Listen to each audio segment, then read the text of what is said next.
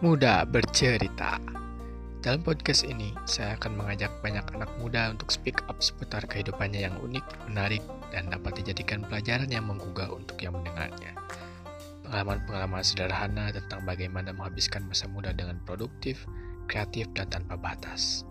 Atau mengulik sisi buruk jadi pemuda, nganggur, hancur, ataupun putus cinta.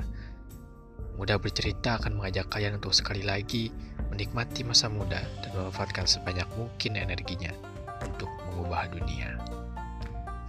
Selamat mendengar.